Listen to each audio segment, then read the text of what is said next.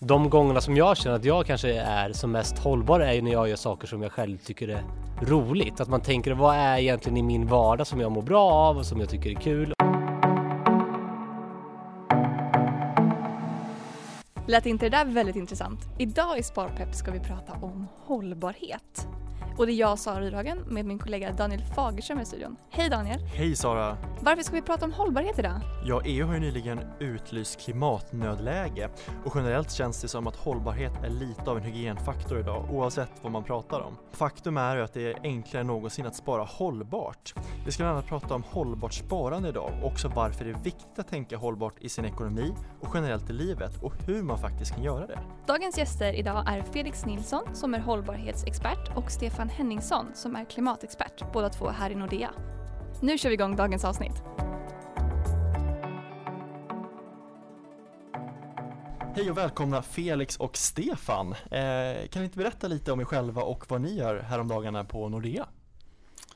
Ja, tack så mycket. Um, jag uh, har jobbat här i en månad nu, lite drygt då, Stefan här och uh, bistår i Nordeas arbete med att implementera ja, Nordeas del av det här globala klimatåtagandet som gjordes i Paris för några år sedan på att minska utsläppen i den takt att vi kommer att stanna sikta på en och en halv grad eller väl under två grader. Vi ligger ju på ungefär en grad idag och då finns det rekommendationer för hur man ska arbeta med det och i våra fyra affärsområden. Och din bakgrund tänker jag också, för du kommer från Världsnaturfonden? Ja men det stämmer. Jag har jobbat, eh, både följt förhandlingarna i Världsnaturfonden, Eh, jobbat eh, med innovationer som har en stor klimatnytta och potential. Eh, om de växer kan ju vara allt från bättre sätt att ladda våra elbilar till bättre förnybar energi och så vidare. Och sen så har jag även jobbat med stora företags omställningsplaner och även en del med finansiell sektor tidigare. Men jag har inte jobbat i finansiell sektor tidigare så det är väldigt spännande att ta mig an utmaningen härifrån.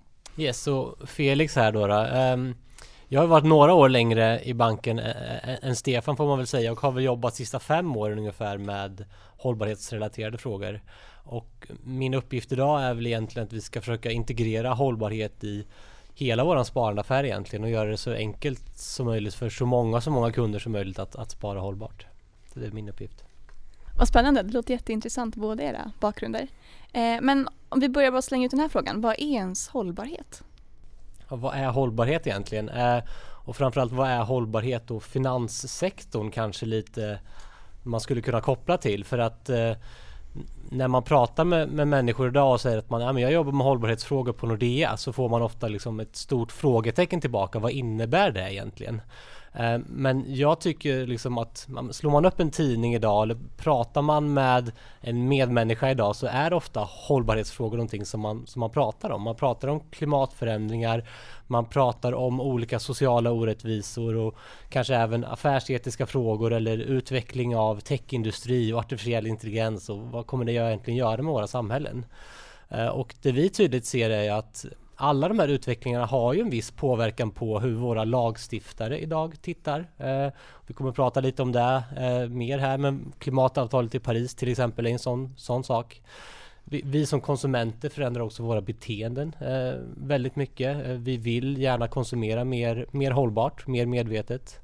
Och vi kan även se liksom arbetskraft idag och unga studenter vill ofta jobba för bolag där man tycker att ja, men här är det schyssta värderingar och här jobbar det här bolaget på ett sätt som faktiskt verkar för en positiv framtid. Och ja, men givet det här då, så det här kommer ju då påverka såklart vilka bolag och vilka affärsmodeller som kommer ha en bra ekonomisk utveckling framöver och vilka bolag och vilka affärsmodeller som kommer ha en dålig ekonomisk utveckling framöver. Och då tittar man tillbaks på vad är Nordeas uppdrag egentligen? Jo, men vi vill inom våra investeringar skapa bra avkastning för våra kunder ja men då måste vi titta på de här faktorerna när vi gör våra investeringar. Och vi har en stor låneportfölj med mycket kunder där. Vad är egentligen hållbarhetsrisken i de här portföljerna? Vad är en klimatrisk i en låneportfölj till exempel? Så att för oss blir ju alla bolag i världen blir ju någonstans också, deras frågor blir våra frågor i våra investeringar och vår utlåning och därför är då hållbarhet viktigt för, för Nordea. Vad är då en klimatrisk i, i de här portföljerna som du pratar om, exempelvis en låneportfölj? En stor del av vår låneportfölj är till exempel eh, till fastigheter och till bostäder. Och vad händer till exempel om vi får förhöjda vattennivåer? Vad händer om vi får ökade stormar? Och kan det eventuellt påverka då värderingen av de här bolagen eh, och de här fastigheterna? Och då kommer det slå såklart på värderingen på våra, våra portföljer. Vad händer om vi ska investera i jordbruksindustrin och det är mycket torka i världen och det slår på deras skördar? Ja, då kommer det påverka värderingen av de här bolagen och då påverkar det då avkastningen i investeringarna och kanske då betalningsförmågan i, i vår låneportfölj kan också påverka. Så det är väldigt viktigt då att man tittar på de här frågorna. Och här kan då Nordea selektera på ett eh, bra sätt här då eller? Ja men precis, mm. vi får väl liksom då göra då eh, riskbedömningar liksom. Vilka, mm. vilka, vilka liksom scenarier ser vi i framtiden och vilka typer av liksom risker kan vi då se i de här bolagen kopplat till, till de här förändringarna? Ja, det finns ju egentligen två typer av risk eh, som vi pratar in, inom klimat. Och det ena av det som, som Felix tar upp är ju då det som kallas för fysisk risk. Då. Att det finns klimatförändringar medför eh, förändringar. Vi får mer extremtorka, vi får eh, en eh, havsnivåhöjning, vi får eh, mer extremväder som även leder till översvämningar och så vidare. Och då har vi en fysisk risk på eh, våra affärer, fastigheter till exempel som Felix tar upp. Eh, den andra risken då är transaktionsrisk kallas den och det innebär då att vi har risk, inte minst då de eh, företag eh, eh som vi investerar eller lånar till som har väldigt höga utsläpp. Och de måste ju ställa om och de som ställer om snabbast kommer att bli mer konkurrenskraftiga på sikt. Och då finns det ju en risk i att man har så kallade stranded assets, eller att vi har eh, tillgångar som inte lönar sig genom att ha kvar dem i bolag som inte gör det de ska. För om vi kommer tillbaks till frågan med eh, hållbar, hållbarhetsfrågan och investera hållbart, alltså hållbara företag är ju också mer lönsamma. Det finns ju en, eh, en, en, mängd studier kring detta från till exempel eh, Boston Consulting Group, Harvards universitet och så vidare.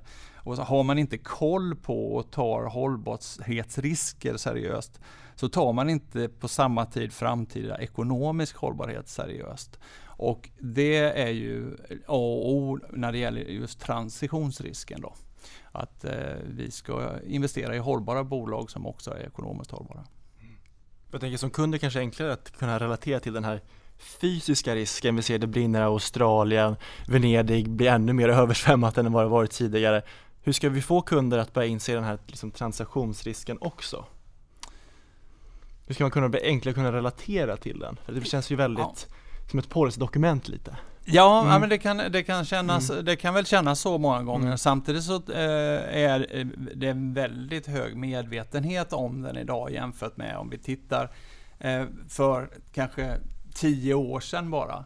Så finns det en stor medvetenhet om att eh, finansiell sektor inte minst då som eh, där Nordea är en, en stor aktör eh, just tittar på utsläppen och alltså den här transitionsrisken och gör bedömningar på det som del av en, eh, eh, en riskbedömning generellt för det bolaget.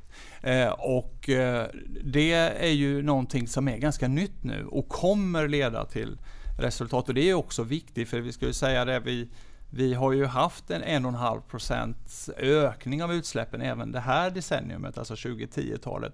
Och när vi går in i nästa decennium, nu 2020-talet, så måste utsläppen eh, minska väldigt snabbt. Eh, FNs generalsekreterare sa nu i veckan ungefär 7,5 procent per år. Alltså så att det kommer in en jättestor förändring som krävs. Och och där är ju då den här transitionsrisken måste bli mer synlig. Men den är absolut inte osynlig för företag idag skulle jag säga. Och sen tycker jag man kan prata om den också från ett kanske ett möjlighetsperspektiv då att eh, den här transformeringshistorien leder ju också till att bolagen då som bidrar till lösningar på den här frågan. Om för enkelt om man tittar på klimatet så förnyelsebar energi till exempel. Och där kan vi ju se väldigt tydligt att många av de här bolagen har ju också från ett rent finansiellt perspektiv ökat sina värderingar väldigt mycket. Eh, så att, och det är väl också väldigt synligt för kunder att, att man börjar se det här. Och vi ser det är väl några bolag eh, under året som har lanserats som också varit liksom inne på det här spåret kanske att få en mer hållbar matindustri. De här eh, hamburgarna nu som vi pratar om att vi kan äta veganska hamburgare. Den typen av bolag har ju höjt sina aktiekurser väldigt mycket. Så att det finns också exempel på bolag som bidrar till förändring att de också har en väldigt bra ekonomisk avkastning och det gör det också lättare för att kunder att förstå kanske att det här det här kan faktiskt göra lite skillnad på, på avkastningen. Mm. Om man ser till 2019 och vad Nordea har gjort inom hållbarhets och klimatspektrat så har vi bland annat lanserat gröna bolån, gröna billån, grön leasing och åtta nya hållbara fonder. Eh, men, och vi har varit inne lite på vad vi gör och så, men som samhällsaktör i finansbranschen, vilket ansvar har vi som bank och vad, vad gör vi rent konkret där? Vi är väl med och ska man säga, driver frågan också på internationell nivå kan man säga. Eh, och det kan väl ibland låta lite luddigt men vi har till exempel så efter Parisavtalet så, så uppförde man någonting som kallas för TCFD som, eh, som är då egentligen finanssektorns grupp för att bli mer transparent med klimatrisker i, i, i både låne och investeringsportföljer. Och här har vi till exempel varit med och skrivit under de här och vi är också med i en FN-arbetsgrupp då för att liksom, tillsammans med andra banker bli mycket bättre på hur vi faktiskt räknar på de här riskerna och hur vi faktiskt kan arbeta med dem eh, på ett, liksom, på ett gemensamt sätt. För det här är ju inte risker som bara är kopplade till Nordea utan det är någonting som hela finanssektorn i stort måste liksom titta på på ungefär samma sätt för att vi, för att vi ska få en snabbare utveckling.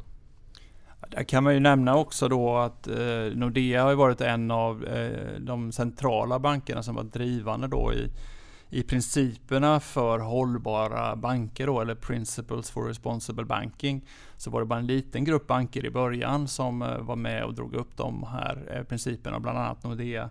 Och nu i september i år så var det 130 banker som skrev under eh, Eh, att de ska följa de här principerna från 49 länder och representerar då 47 eh, biljoner dollar i tillgångar. Eh, och då, så då får du en spridning med de här principerna. Det är ju liksom 80 gånger Sveriges BNP i kapital då, som är kopplat till de här principerna för hållbara banker. Och det är ju ett att ta ett större grepp om frågan än bara Nordeas eget arbete. Och sen handlar det om att nu gå från principerna till implementering av dem, självklart.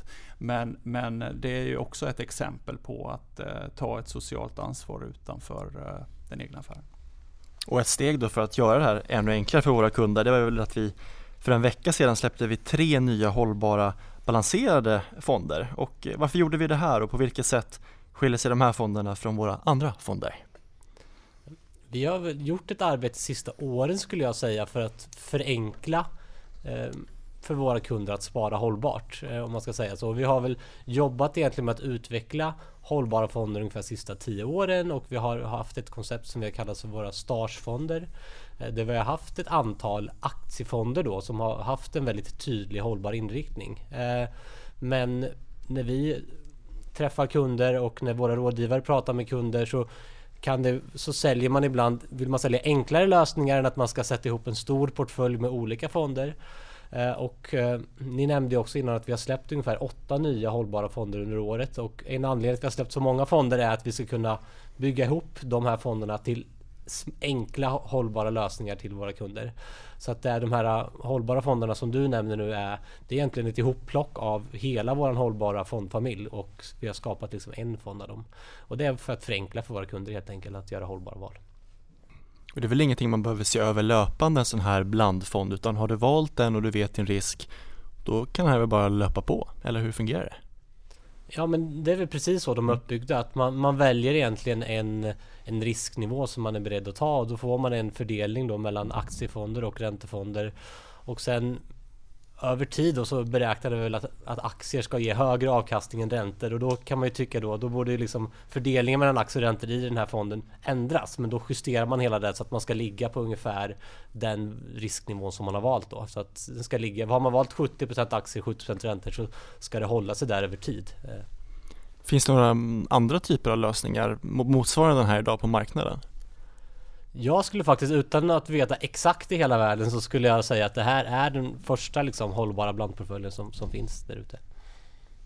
Eh, en vanlig missuppfattning är att de hållbara produkterna är dyrare än vanliga eh, och att just fonder och aktier, att avkastningen skulle, ja, man skulle göra avkall på den, att den kanske skulle vara sämre. Stämmer det?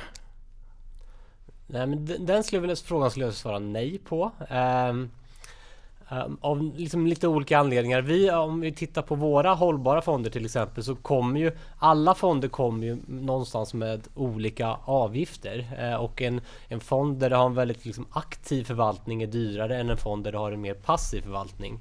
Men det vi på Nordea har sagt att om du har två olika aktiva fonder och en hållbar och en traditionellt förvaltad så, så ska de ha samma pris. Så, um, så det kan ju vara skillnad i pris på fonder men vi, våra hållbara fonder ska alltid ha samma eller lägre pris som sina liknande alternativ. Då. Och sen så kan man väl egentligen se på Pratar man avkastning så är det väl alltid upp till en fråga om vilken är, är egentligen förvaltaren och hur duktig är den här förvaltaren på att skapa en bra avkastning. Men tittar man på ett större perspektiv och tittar man kanske på forskning över liksom bolag som rankas bra utifrån ett hållbarhetsperspektiv eh, och tittar på lite bredare portföljnivå och bredare indexnivå så, så, så, visar egentligen den mesta forskningen nu att hållbara fonder eller hållbara index ger lika bra eller till och med bättre avkastning än traditionella index. Ja, och det kopplar ju till det jag nämnde tidigare att eh, det finns också mycket forskning som visar på företagsnivå då att hållbara företag är mer lönsamma. Och det är klart att företag som har koll på sina risker eh, och sina kostnader eh, har ju, eh, ofta är de kopplade till hållbarhetsfrågor och eh, visar då på en, en bättre lönsamhet. Så det hänger ihop. Jag kan säga även här, alltså för, på personlig plan då, så jag, jag nämnde ju att jag eh, valde Nordea Stars. Jag skrev till alla banker i Sverige för 5-6 eh, år sedan då, eh, för att hitta ett klimatsmart eh, pensionssparande. Fick svar från Nordea, från Facebook tror jag det var. Och eh, en rekommendation till Nordea, Nordea Star, så gick in och tittade på den. Såg bra ut och eh, jag valde då den för min PPM. Och eh, när jag, jag är inte alls eh, på något sätt eh, missnöjd med avkastningen. Sen jag började investera där så har den gett eh, 50% avkastning då på fem år. Och det, det, tycker jag ju är väldigt bra. Och sen tycker jag ju det är jättebra då att den är låg CO2-riskklassificerad och eh, den, den eh, investerar hållbart. Alltså det, för mig är det ett oerhört högt personligt värde. Eh, och sen att det är 50% avkastning är ju fantastiskt bra, tycker jag. Men vad skulle ni säga skiljer Nordeas hållbarhetserbjudande från andra bankers? Jag skulle säga att under de sista 4-5 åren så har väl egentligen de flesta bankerna och de flesta finansiella institut börjat erbjuda hållbara fonder. Det jag skulle säga att man får, får med Nordea som man inte får med de andra är den nivån eh, av analys och aktivt ägarskap som vi faktiskt kan göra. För det vi kan säga är att vi är fler som jobbar med de här frågorna än de andra, andra bankerna. Så att vi kan ha fler bolagsdialoger och vi kan göra mer djupblodade analyser. Eh, och vi är också ett större team vilket då har möjliggjort till exempel att vi kan lansera de här balanserade fonderna. Det hade vi inte kunnat göra utan att vi hade haft mycket kompetent eh, personal som jobbar på det. Eh, så att, så att våra storlek och vårt engagemang i de här frågorna skulle jag säga skiljer oss. Och när du säger aktivt ägarskap, vad menar vi konkret med det? Har vi aktiva dialoger med bolagsstyrelserna? Väljer vi in bolag? Tar vi ut bolag? Hur fungerar den här aktiva dialogen vi pratar om? Ja, men, mm, ge ett exempel då från hur vi jobbar i våra hållbara fonder till exempel så hade vi under 2018 hade vi mer än 120 bolagsdialoger bara i de här hållbara fonderna då. Och där innebär det egentligen att man gör en, en hållbarhetsanalys och så identifierar man eh, vilka risker och vilka möjligheter har de här bolagen egentligen kopplat till hållbarhetsfrågor. Och blir man invald i de här hållbara fonderna så måste man som bolag visa att man har en förbättringsprocess egentligen. Så att det här dialogarbetet innebär egentligen att vi säkerställer att bolagen jobbar aktivt med frågan, frågorna även under liksom, tiden att de är innehav hos oss. Inte bara att de är duktiga precis när vi köper bolaget utan de fortsätter att jobba med frågorna. Ehm, så det är ett exempel på hur vi jobbar just i de, i de hållbara fonderna. Väljer vi bort också? Selekterar bolag som inte lever upp till våra kriterier? Ja, det gör vi egentligen för alla våra fonder skulle jag säga. Så vi har en exkluderingslista till exempel som, som innehåller mer än 150 bolag. Vi har lagt på lite nya bolag på den här listan under året kopplat till kolindustri till exempel och oljesand och sånt så att det har blivit fler bolag. Men det kan även vara bolag som, som är involverade i, i handel med kontroversiella vapen och det kan också vara bolag som har brutit mot olika typer av internationella normer. Det kan vara barnarbete eller miljöbrott eller olika typer av brott kopplat till korruption och mutor och sånt. Jag tänker nu oavsett vilken bank man nu har eller väljer, varför ska man tänka hållbart när det kommer till, till sitt sparande? Jag tycker det finns lite olika eh, lite olika anledningar till det och jag tycker att en av dem är faktiskt en rapport som din gamla arbetsgivare Stefan kom med, Världsnaturfonden, där man för fyra fem år sedan kom ut med en rapport som visade på hur ser egentligen utsläppen ut för en medelsvensk person ut idag? Eh, och, och då visade det sig att en medelsvensk släpper ut ungefär 10-10,5 procent koldioxid eh, varje, varje år från flygresor, eh, hur vi konsumerar, hur vi transporterar oss och så vidare. Och så tittar man på sparandesidan eh, och då är man ju genom att man äger aktier och äger fonder så är man, kan man då säga att man är indirekt ansvarig för de här bolagens utsläpp. Och då är det utsläppet ungefär lika stort. Eh, lite mindre men 9-10 ton koldioxid släpper vi ut genom vårt sparande. Så det är väldigt få val egentligen vi måste göra på sparandesidan för att minska utsläppen ganska stort. Och det tycker jag är en, som var en ögonöppnare för mig för att se att ja, men här kan man faktiskt göra skillnad. Mm. Ja, jag tänkte ju säga samma sak då. Jag är involverad i den studien. Eh, och det, det här är 10 ton då koldioxid mm. per ja. Eh, person, inte 10 procent. Men, ja, mm. men, ungefär eh, samma då. Och det var ju då eh, när jag jobbade på WWF på den tiden så anlitade vi då PWC och deras eh, kapitalmarknadsexpertis för att få fram den siffran. Och det ligger någonstans där. Det är alltid antaganden, men det, det, är, det är lika högt som alla andra utsläpp från det som eh, man då kallar bilen, alltså transporterna som vi använder dagligen, biffen, alltså maten vi äter, bostaden, eh, alltså huset vi bor i och energin som värmer upp det. Mm. Och även butiken då, det vill säga var vi faktiskt går och handlar. Då. Så, så det i ramen om 5B, det är ju där vi har de stora klimatutsläppen. Det är bilen, biffen, bostaden, butiken och börsen, det vill säga banken. Jag tänker att det är lite av ett skifte som sker, att det tar tid att ändra folks uppfattning om just klimatet och hållbarhetsaspekten och så. Men där kan vi ju se att med hamburgare som är liksom plantbaserade och att eh, liksom banker erbjuder hållbart sparande, att det ger ju resultat. Och det möjliggör ju att det här skiftet ska kunna ske lite snabbare hela tiden. Ja, alltså det, det, det kommer ju göra det också på grund av att vi kommer ju hela tiden in i ett allt mer transparent digitalt och upplyst samhälle. Och informationen förflyttar sig ju oerhört snabbt redan idag och det är ju ingenting mot hur det kommer förflytta sig om fem år. Så att, så att det, den, det, det, det gäller att vara på tårna här. Mm, om vi tänker från lite större perspektiv och bredda från sparande till ekonomi och generellt i livet. Varför är det viktigt att tänka hållbart i egentligen allting vi gör?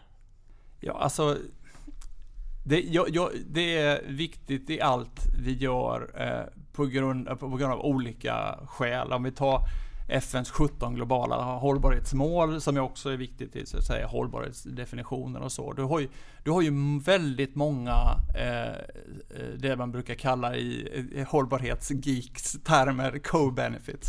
Alltså att du har en, en fördel för klimatet till exempel, eller för vattenanvändningen som även har en bra hälsoeffekt.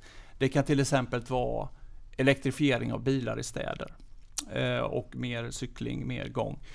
Alltså det är fyra miljoner människor per år som dör i, i, prematurt på grund av luftförorening i städer som framförallt är orsakade av fossila utsläpp. Eh, alltså nära personerna då. Så du har ju, du har och det är ju en hälso, och du, du har ju samma typ av studier när det gäller kolkraft och utsläppen från kol som ju då är väldigt klimatskadligt men också hälsoskadligt. Att cykla mer eller gå mer, är det bra för hälsan? Ja, det är självklart väldigt bra eh, för, för hälsan. Att äta lite mer eh, plantbaserat, lite mindre rött kött, också bättre för hälsan, minskar risken för cancer till mm. exempel. Så att, så att eh, det är ju eh, oftast så, eh, det, begagnat, köpa begagnat i butiken, ja det är lite billigare. Eh, och du har det, och det är ju, ekonomi är ju också en del av de här hållbarhetsmålen. Så det är det jag menar, så att det, du har du har ju någonting som går in i både så att säga de mer sociala frågor när det gäller, eh, när det gäller hälsa men även då ekonomiska frågor och miljöfrågor som, som går ihop. Och, och går de inte ihop då blir de inte heller riktigt, riktigt stora. Och det är stora lösningar vi efterfrågar.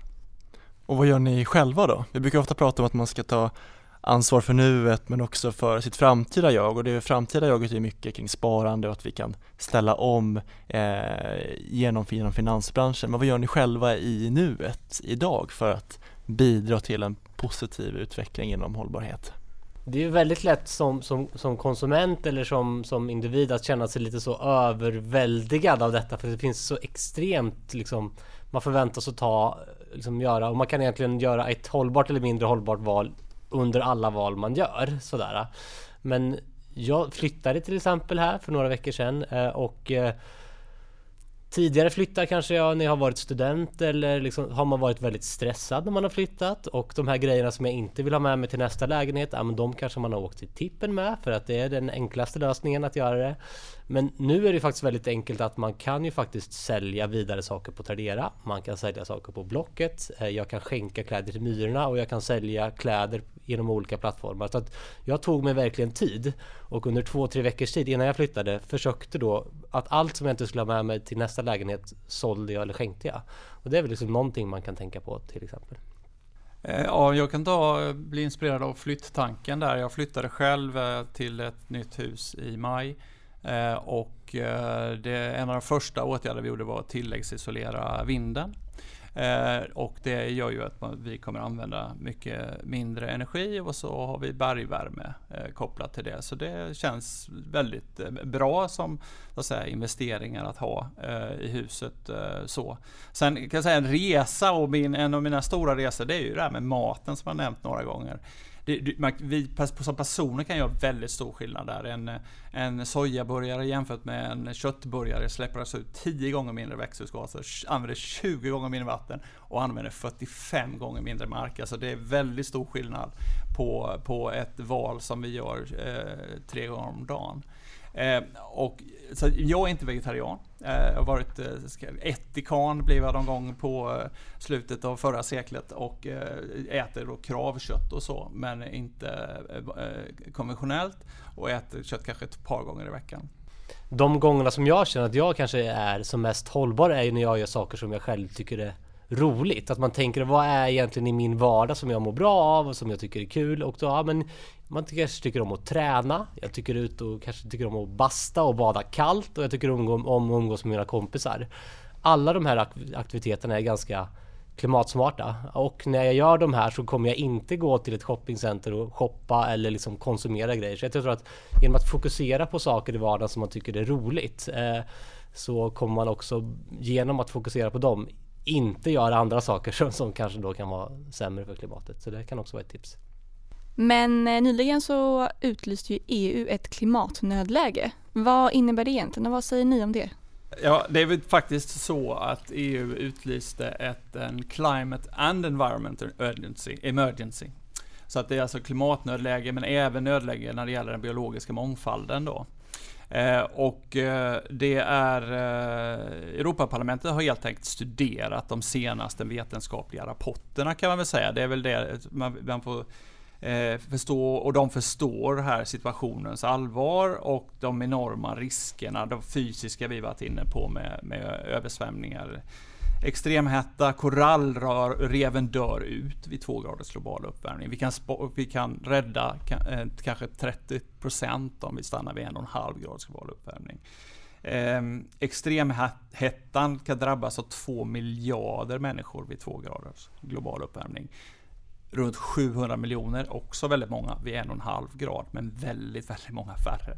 Ehm, eh, artutrotningen är ungefär två till tre gånger värre vid två graders global uppvärmning jämfört vid vid en och en halv. Eh, isfritt Arktis kommer vi alla få uppleva om vi kommer upp till två graders globala uppvärmning. Stannar vi vid en och en halv så kanske vi slipper det. Eh, och, eh, så, det så det är egentligen det som gör att de eh, utropar detta. Som jag sa tidigare då, även FNs generalsekreterare har gått ut nu och sagt alltså att vi har, trots under det här decenniumet, 2010-talet, så har vi ju haft klimatfrågan på näthinnan och inte minst eh, världsledare eh, har haft det. Och ändå så har vi ökat utsläppen med 1,5 procent i snitt per år. Och då nästa decennium så måste vi minska det med runt 7,5 procent per år. Så det är det som är så att säga nödläget som EU ropar ut då globalt. Konkret eh, så är det eh, att man ska ta in då det här med 1,5 grader max i alla lagförslag och alla budgetar. är det man säger. Samt att man ska göra klimatreform då av vissa politikområden och det är jordbruk, det är handelspolitik, det är transporterna, det är energi, infrastruktur och investeringarna. Och viktigt då för bankerna det är ju det här med EU Action Plan för att finansiera hållbar tillväxt som, som nu implementeras och som verkligen rör, berör Nordea och som berör vårt dagliga jobb med jag, och Felix och kollegor. Ehm, och klimatnödläget och den ambitionen kommer ju komma igenom även i den här regleringen då när det gäller den finansiella sektorn. I Madrid så pågår ju just nu FNs klimatkonferens. Vad hoppas ni blir utfallet från den i år? Det är 70 länder nu som har annonserat att de måste öka ambitionerna och de ska göra det nu då. För det är så att det finns ett stort gap mellan vad länderna säger och sätter målsättningarna idag och vart vi måste gå då för att begränsa den globala uppvärmningen. Alltså ländernas ambitioner idag, om det bara är det som gäller och, och, och skulle gälla och inte ytterligare ambition från aktörer som oss på Nordea, eh, skulle vi hamna på någonstans 3,5 till 4 graders global uppvärmning är det senaste som har sagts och det är absolut katastrofalt i alla klimatmodeller. Men, men de här 70 länderna har nu då på grund av det här annonserat ah, att nu ska vi öka ambitionen framöver och de målen ska beslutas är antingen, antingen beslutade redan eller kommer beslutas inom de närmsta 10 månaderna. Utmaningen är att det är väldigt få G20-länder som har kommit med den här typen av högre ambitioner. Och två tredjedelar av alla, alla utsläpp kommer från G20-länder. Och dessutom eh, förstår vi ju som sitter här i en bank är ju de starka ekonomierna och de som faktiskt har kraft att förändra kanske inte bara sina egna utsläpp utan utsläppen utanför de länderna. Eh, så, att, så det är det riktigt, riktigt stora nu att G20-länderna, EU har ju inte heller då som del av G20 kommit, det finns ett förslag från parlamentet men det är ju tre länder som motverkar det förslaget inom EU så att inte Europeiska rådet har tagit det förslaget för en ökad ambition. Då. Så det hoppas vi kommer ske väldigt, väldigt snart så att eh, EUs ambition ökar men även då Kinas, Indiens, Svårt att tro att USA kommer öka ambitionen just nu med nuvarande president och även Brasilien tyvärr. Då. Men, men, eh, men det ska inte stoppa de andra. Och, och eh, sen så den andra stora frågan som kommer att diskuteras här är att det beslutas om eh, system, alltså att man kan bygga system när det gäller till exempel pris på CO2 som går över gränserna. För att sätta ett pris på CO2, säger jag, pris på utsläpp är ett väldigt effektivt sätt att få till investeringar som då eh, har lägre utsläpp. För då konkurrerar man ut, alltså stora anledningen till att kolkraft stängs ganska snabbt i Europa idag är att vi har ett pris på utsläpp som ligger på eh, 250 kronor per ton ungefär. Och det är tillräckligt för att kolkraft ska vara totalt olönsamt. Eh, även befintlig då kan stängas. Men om vi ska försöka avrunda lite, vad skulle ni vilja skicka med lyssnarna från det här avsnittet som en sista poäng? Tänk inte på hållbarhet som, som, som någonting som är jobbigt och belastande utan faktiskt man kan som, leva ett mer hållbart liv eh, samtidigt, som man, eh, samtidigt som man också lever ett väldigt roligt liv. Eh, och eh, man kan använda både sitt sparande men även alla andra handlingar i sin vardag är väldigt viktiga för att driva den utvecklingen. Ja, ja men jag håller med Felix och samtidigt ska jag säga just det här att eh, det, är, det är en väldigt bra gärning att flytta pengarna till en säkrare långsiktig avkastning med låg CO2-risk och låg CO2-exponering. Eh, och jag menar för bara några år sedan så kunde vi inte göra det. Nu finns den möjligheten eh, integrerad alltså, hos många banker. Det andra är ju att har du ett gammalt avtal, säg att du skrev ett avtal eller satte igång ett fondsparande för kanske tio år sedan, då fanns inte eh, särskilt mycket val när det gäller hållbara fonder. Men idag finns ett jättestort urval, så eh, kolla gärna igenom vad du har och om det är gammalt och, och ställ frågan till banken idag som kanske inte banken kunde svara för tio år sedan. Så eh, kan du på ett väldigt enkelt sätt göra stor skillnad. För det, det spelar faktiskt roll. Mm. Och ställ krav. Ja, ställ krav, precis det är det det handlar om. Och ställ krav och se till att eh, din bank levererar. Tack så mycket Felix och Stefan för att ni ville vara med i Sparpepp och prata om hållbarhet. Tack! Tack så mycket! Tack så mycket! Vilka intressanta gäster! Alltså jag blir så inspirerad av att höra hur Nordea tar ett sånt stort ägarskap, en av världens mest hållbara banker och verkligen går i bräschen för det här. Verkligen. Men också hur små, små förändringar hos en själv kan göra så stor skillnad. Vad gör du då Sara? Jag åker inte jättemycket bil.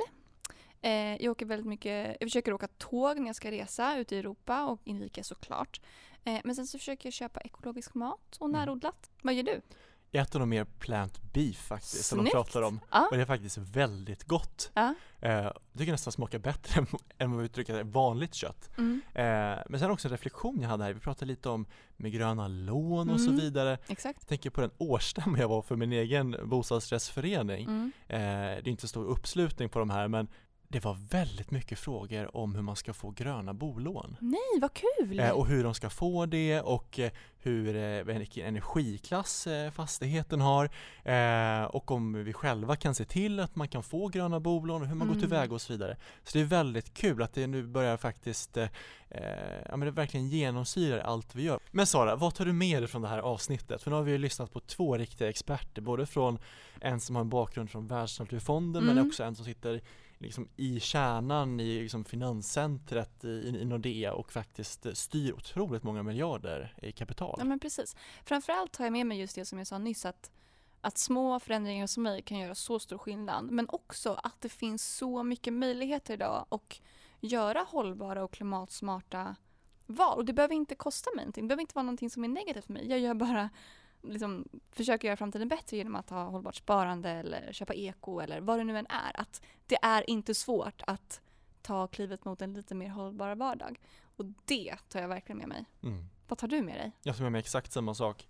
Eh, just hur de här små valen faktiskt påverkar det stora hela men också att ibland kan faktiskt ekologiskt vara godare att äta faktiskt och det känns som att det smakar faktiskt mer. Mm. Mm, exakt. Jag tänkte på det, vi nämnde ju de här hållbara fonderna som vi har släppt. Om man vill läsa mer om dem och kanske eh, kolla vidare på dem, Mm. vart går man då? Nordea.se och då söker du på Spara hållbart.